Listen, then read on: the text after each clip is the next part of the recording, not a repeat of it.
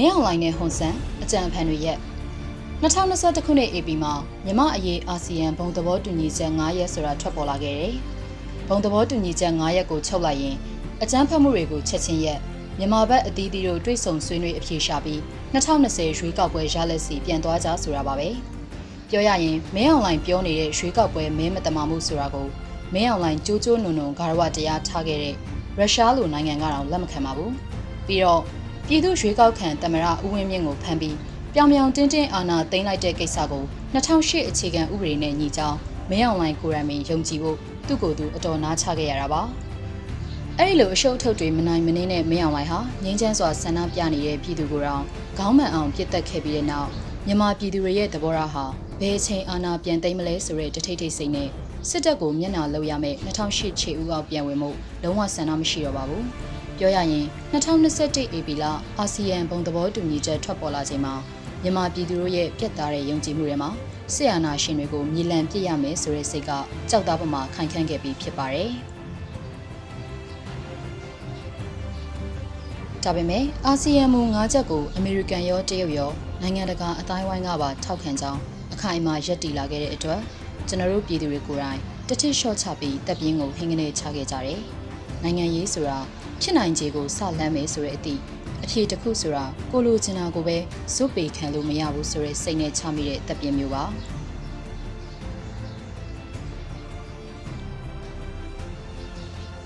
ဒါပေမဲ့အာဆီယံမူ၅ချက်ဆိုတာကိုမင်းအောင်လိုင်းကအရေးကိုမလုပ်ခဲ့ဘူးမူ၅ချက်ကိုဖော်ဆောင်ရေးဂျောင်းဝင်ညှိနှိုင်းပေးမဲ့အာဆီယံအထူးတန်တမန်ခန့်အပ်ခဲ့တယ်မင်းအောင်လိုင်းကအဖက်မလုပ်ပြန်ပါဘူးအထူးတန်နေပြီးတော့လာကျင်လာခဲ့ငါတို့တွေ့ခိုင်းတဲ့လူနဲ့တွေ့ ငါတို့ပြောတာကိုနားထောင်ပြီးပြန်နိုင်ငံတော်အတိုင်ပင်ခံပုဂ္ဂိုလ်ဒေါအောင်ဆန်းစုကြည်နဲ့တွေ့ခွင့်ဆိုတာလီဒန်တော်မကြားခြင်း NUG CRPH ကအကြမ်းဖက်အဖွဲ့အစည်းမှုညနေချင်းဆိုင်စရာအကြောင်းမရှိမင်းအောင်လိုင်းကအဲ့ဒီလိုတကဘာလုံးကိုလူမထင်တဲ့အပေါင်းနဲ့ခါထောက်မိုက်ကြည့်ကြည့်ပြီးသူပြောခဲ့ဘူးတဲ့မလုံရဲတာဘာမှမရှိဘူးဆိုတော့လမ်းဘေးလူမိုက်စကားကိုလက်တွေ့ကျင့်သုံးပြခဲ့တယ် အဲ့ဒီမှာအာဆီယံရဲ့ပြန်လည်တုံ့ပြန်မှုကတခါမှမကြားခဲ့ဘူးတဲ့အာဆီယံအဖြစ်မြင်တွေ့ခဲ့လေတော့နိုင်ငံတကာအတိုင်းဝိုင်းနဲ့မြန်မာပြည်သူတို့ရဲ့လက်ခုပ်တံကိုရခဲ့ပြီးမင်းအောင်လိုင်းအတွက်တော့အယူမီဝိုင်းဆက်မှာဇိုးချွေးပြန်ခဲ့ရတယ်။အာဆီယံခေါင်းဆောင်တွေကမူငါးချက်ကိုမင်းအောင်လိုင်းအမှန်တကယ်ဖော်ဆောင်ခြင်းမရှိတဲ့၍အာဆီယံထိပ်သီးအစည်းအဝေးတက်ခွင့်ရမှာမဟုတ်ဘူးလို့ပြတ်သားပြခဲ့တယ်။ဆက်ဆက်ခါသွားတဲ့မင်းအောင်လိုင်းဟာအာဆီယံထိပ်သီးအစည်းအဝေးနီးလာလေစောက်တရားမရဖြစ်ပြီး အာဆီယံထိပ်သီးအစည်းအဝေးကိုမဖိတ်လဲအတင်းတက်မှာလို့လို့မဖိတ်တဲ့အတွက်အာဆီယံကပဲနိုင်ထက်စီးနေတရားမျှတမှုကင်းတယ်လို့နဲ့နောက်ဆုံးတော့မင်းအောင်လိုင်းရှိုက်ကြီးတငယ်ငိုခဲ့ပုံရပါတယ်။ဒါပေမဲ့မင်းအောင်လိုင်းဟာသူ့အာဏာတည်မြဲရေးအတွက်အာဆီယံမူ၅ချက်ကိုဆက်ငင်းခဲ့တယ်လို့ပြည်သူကိုတက်ဖြတ်မှုဟာပိုပြီးလက်ရဲစရဲရှိလာတယ်။ဒီနေ့ဖန်ပြီးမနှက်ပြန်အလောင်းပြန်ပေးတာမျိုးကိုထမင်းစားရှည်တောက်ပေါ်မှာကျူးလွန်လာခဲ့တယ်။မင်းအောင်လိုင်းကစေအုပ်စုရဲ့ရှေ့လုပ်ငန်းစဉ်၅ရက်ကိုထုတ်ပြန်ခဲ့တယ်။ ရှေ့လုပ်ငန်းစဉ်9ရက်ဆိုတာက2020ရွေးကောက်ပွဲကိုလည်းလက်မခံအာဆီယံမူ9ရက်ကိုလည်းလက်မခံတဲ့2023မှာရွေးကောက်ပွဲကျင်းပပေးမယ်ဆိုတဲ့လမ်းမှာမင်းအောင်လှိုင်ဟာသူ့ဘတန်းရွှေထွင်းခဲ့တဲ့2010ရွေးကောက်ပွဲလို့အာဏာရှင်နဲ့ပတ်သက်ရာပတ်သက်ကြောင်းပါတီတွေနဲ့မဆိုစလောက်အတိုက်ခံပါတီလေးတွေကိုလက်ခံပြီးရွေးကောက်ပွဲမကျင်းပခင်တည်းကကြမ်းဖွတ်နိုင်နေတဲ့ရွေးကောက်ပွဲမျိုး2023မှာကျင်းပလိုတာပါ တန်းရွှေက2010ရွေးကောက်ပွဲအပြီးကနေမတိမ်မချင်းစိတ်လုံလုံကြုံကြုံနဲ့အနားယူဖို့ရည်ရွယ်ခဲ့တယ်။မင်းအောင်လှိုင်ကြတော့2023ရွေးကောက်ပွဲပြီးတဲ့နောက်မှာသူအင်မတန်ယူသွတ်နေတဲ့တမရာယူအိမ်မက်ကိုဆက်ဖော်ဆောင်မှုရည်ရွယ်ရုံနဲ့မကပဲသူ့အဘတန်းရွှေတာဝန်မကြီးခဲ့တဲ့ဒီမိုကရေစီအရေးချုံစစ်အာဏာရှင်စနစ်ရာသက်ပံအတွန်းရှည်ရေးကိုပါအားထုတ်ဖို့ကြံရွယ်ခဲ့တယ်။ဒါကိုနောက်တနည်းဆက်ပြောရရင်လူလူကောင်ဆောင်ဒေါန်ဆန်းစုကြည်နဲ့အမျိုးသားဒီမိုကရေစီအဖွဲ့ချုပ်ကို မြန်မာနိုင်ငံရေးကနေလုံးဝရှင်းပစ်ချင်ုံနဲ့မကပဲမြန်မာပြည်ပေါ်မှာမြန်မာပြည်သူတွေရဲ့ဆန္ဒရာသက်ပံနလန်မထူရေးအထိပါမင်းအောင်လိုင်းအကြံပတ်ဆက်ခြင်းပါဒါကြောင့်ဒေါအောင်ဆန်းစုကြည်ကိုနှစ်ရှည်ထောင်ဒဏ်ကြစေရေးအတွက်တရားသူကြီးကိုမင်းအောင်လိုင်းရေးထားတဲ့စီရင်ချက်တွေရွှေ့ပြခိုင်းနေ NLD ဆိုရင်အောက်ခြေပါတီဝင်ကအစထောင်သွင်းအကျဉ်းချနိုင်အောင်ဖမ်းနေ NUG အစိုးရကိုအကြမ်းဖက်အဖွဲ့အဖြစ်နဲ့ ဘယ်တော့မှစပွဲဝိုင်းမထိုင်ဘူးလို့အကြမ်းဖက်သမားမင်းအောင်လိုင်းကဆိုလိုက်ပြန်ပါတယ်။တိုင်းရင်းသားလက်နက်ကင်တွေဆိုရင်လည်းအာဏာရှင်ကိုမပုံကန်ရင် NCA စာချုပ်ကိုအရေးတယူလုပ်ပြပြီးသူတို့ကိုမထီမဲ့မြင်လုပ်သူဆိုရင်တော့ NCA စာချုပ်ကိုအမြောက်နဲ့ထုပြီးဖျက်ပြခဲ့တယ်။ပြပြောရရင်အာဆီယံမူ9ရက်ဟာမင်းအောင်လိုင်းကိုအာဆီယံထိပ်သီးအစည်းအဝေးတက်ခွင့်မပြုတဲ့ပြည်ထံလောက်နဲ့2021ခုနှစ်ကိုပြီးဆုံးစေခဲ့တယ်လို့ အာဆီယံနဲ့နိုင်ငံတကာဘာပြောပြောဂရုမစိုက်ဘူးဆိုတာကိုလည်းမင်းအောင်လိုင်းကတက်တည်ပြခဲ့တယ်။မင်းအောင်လိုင်းဘလောက်ထိအောင်မိုက်လုံးကြီးပြခဲ့တယ်လဲဆိုတော့စကိုင်းတိုင်းနဲ့ကရားပြည်နယ်တို့မှာအယက်သားပြည်သူတွေကိုမီးရှို့တက်ဖြတ်ပြီးတကဘာလုံးကအောချရတဲ့အထိအကြမ်းဖက်လူသက်သမားပွဲကိုခံယူရတဲ့အထိပါပဲ။ပြောရရင်2021မှာသွေးစာနေတဲ့လူသက်သမားကို၅ပါးတီလာစောက်တည်ခိုင်းလို့မရမှန်းသဘောပေါက်ကြရတယ်။ 2022ခုနှစ်ကိုစဖွင့်ပြီးဆိုရင်ပဲကမ္ဘောဒီးယားပြည်သူတွေနဲ့ကမ္ဘောဒီးယားဒီမိုကရေစီကိုလည်မျိုးညှစ်ထားတဲ့ကမ္ဘောဒီးယားဝန်ကြီးချုပ်ဟွန်ဆန်ကမြန်မာခရီးစဉ်စတင်တော့မယ်ဆိုတော့ကန့်ကွက်တန်တွေလှုပ်ရမ်းလာခဲ့တယ်။နိုင်ငံတကာရောမြန်မာပြည်သူတွေကပါတနင်တပိုးကန့်ကွက်ကြတယ်။အဲ့ဒီကန့်ကွက်မှုတွေကိုဟွန်ဆန်ဟာဟွန်ဆန်ပီသားစွာနဲ့ကျုပ်ကိုမနှောက်ယှက်ပါနဲ့ခမားတို့ကကျုပ်ဆရာမဟုတ်တယ်လို့ကျုပ်ကလည်းခမားတို့ဆရာမဟုတ်ဘူးလို့ခက်ပြင်းပြင်းတုံ့ပြန်ခဲ့တယ်လို့အာဆီယံစင်နိုင်ငံမှာတနိုင်ငံပဲ့နေလို့မဖြစ်တဲ့အကြောင်းလေးပြောကြားခဲ့ပါတယ်။ ဟွန်ဆန်နေပြီးတော့ရောက်လာတယ်။မင်းအောင်လိုင်းကိုလှိုက်လဲစွာလက်ဆွဲနှုတ်ဆက်ခဲ့တယ်။ဟွန်ဆန်ဟာအာနာရှင်ပြီးပြီးတက်ရဖြတ်ရမှာလက်ရင်တလောက်သူ့အာနာတည်မြဲရေးအတွက်စပွဲဝိုင်းနိုင်ငံရေးမှာအလဲအပတ်အကွေးအကောက်တွေနဲ့ရာသက်ပံအာနာရှင်ကြီးအဖြစ်တာမက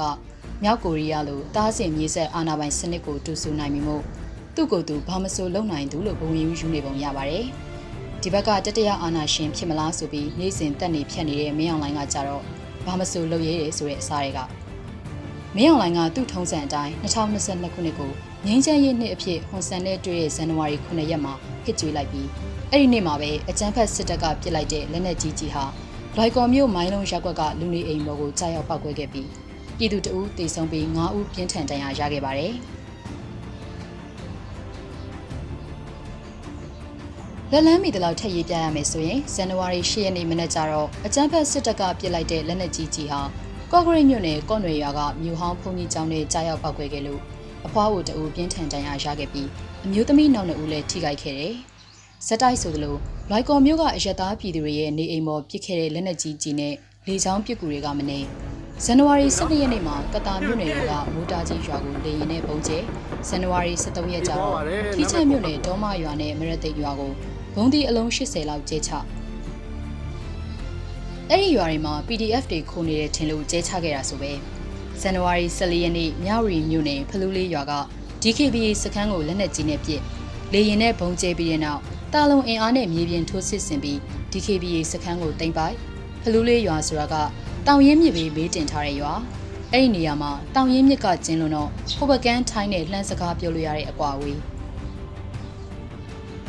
သူများနိုင်ငံနဲ့ကြည်ကြမယ်တို့လေပိုင်နဲ့ကြော်ဝင်မိမယ်တို့မစင်စား အကြမ်းဖက်တက်ပစ်လိုက်တဲ့လက်နက်ကြီးကြီးအစတွေဟာဟိုဘကန်ကိုအမှန်တကယ်ကြားခဲ့ပါတယ်။အဆိုးဆုံးအနေထားကသူတို့လာတိုက်တဲ့ DKBA စခန်းနဲ့ကက်လျက်မှာ Unity လို့အမည်ပေးထားတဲ့စစ်ဘေးဒုက္ခတဲ့စခန်းရှိနေမှန်းသိလျက်နဲ့ပုံကျဲတာပါ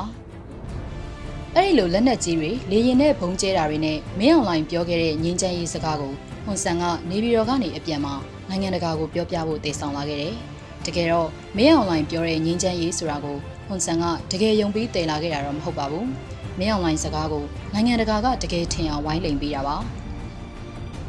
ပြီးတော့ဘလို့မှဆက်ဆက်လို့မရတဲ့အာဆီယံဘုံသဘောတူညီချက်9ရက်နဲ့အကြံဖက်စေအုပ်စုရဲ့ရှေ့လုပ်ငန်းစဉ်9ရက်တို့အပြန်အလှန်အထောက်အကူပြုတင်ကြောင်းမင်းအောင်လိုင်းရဲ့စကားကိုလည်းဟွန်ဆန်ကပွဲထုတ်ခြင်းပုံရပါတယ်။ဘာဆိုဘာမှမဆိုင်တဲ့မူ9ရက်နဲ့လုပ်ငန်းစဉ်9ရက်ချိတ်ဆက်ဆောင်ရွက်မှုကနေမြမအရေးကိုချင်းကပ်ချင်တာဟာဟွန်ဆန်နဲ့မင်းအောင်လိုင်းတို့ရှာဖွေတွေ့ရှိခဲ့တဲ့နီးနာအသစ်ပုံစံမျိုးချိုးပြခြင်းပုံလည်းရပါတယ်။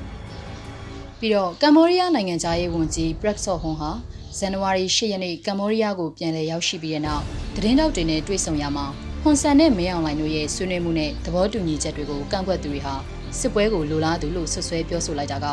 မြမမြေပေါ်လာပြီးမြမပြည်သူတွေကိုစော်ကားလိုက်တာပါပဲ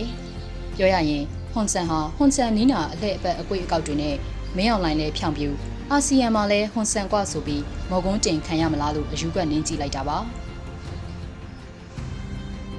အခုတော့အာဆီယံတွေကနိုင်ငံကြီးတွေဖြစ်တဲ့အင်ဒိုနီးရှားမလေးရှားနဲ့စင်ကာပူတို့ကဘုံသဘောတူညီချက်9ရပ်ကိုမဖော်ဆောင်သေး၍မင်းအောင်လိုင်းကိုဆက်ပစ်ပေးမယ်ဆိုတဲ့သဘောထားကိုခက်တင်တင်စုပ်ကင်ပြလိုက်တာကြောင့်ဟွန်ဆန်ဘဲလေးဟတ်ထိုးလဲမလားစောင့်ကြည့်ရပါတော့မယ်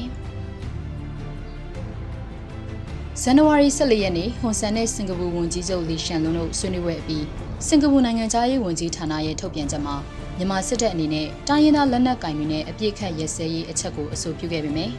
အာဆီယံရဲ့ဘုံသဘောတူညီချက်9ရက်မှာပါတဲ့အကြမ်းဖက်မှုရစဲရေးတောင်းဆိုချက်ဟာအဓိကအဖြစ်စစ်တပ်ကသူ့ရဲ့နိုင်ငံရေးအတိုက်အခံတွေနဲ့အရက်သားတွေအပေါ်အကြမ်းဖက်မှုတွေကိုရပ်တန့်ဖို့အဓိကရည်ညွှန်းတာဖြစ်ကြောင်းထုတ်ပြန်လိုက်တာကဟွန်ဆန်နင်းနေတဲ့အယူဘက်ကိုအထုတ်ပြပြလိုက်ခြင်းဖြစ်ပါတယ်။အခုလိုအခြေအနေမျိုးမှာပဲဟွန်ဆန်အနေနဲ့အာဆီယံမူ9ရက်ကိုတွေ့ဖယ်ပြီးရှေ့ဆက်တိုးအောင်မယ်ဆိုရင်တော့အာဆီယံကိုဖြိုခွဲသူအဖြစ်နဲ့တမိုင်းမုံကုန်းရေးထိုးရဖို့ပဲရှိပါမယ်။ မြန်မာပြည်သူတွေကတော့မင်းအောင်လှိုင်လဲနိုးဟွန်ဆန်လဲနိုးမင်းအောင်လှိုင်နဲ့ဟွန်ဆန်ရဲ့နှစ်ယောက်ပေါင်းညင်နီညင်တဲ့တွေကိုလည်းချင်းချက်မရှိနိုးပါကြောင်းအထူးပြောပြစရာမလိုပဲမင်းအောင်လှိုင်ရောဟွန်ဆန်မှာကြားသိပြီးပြီလို့ယုံကြည်ပါတယ်။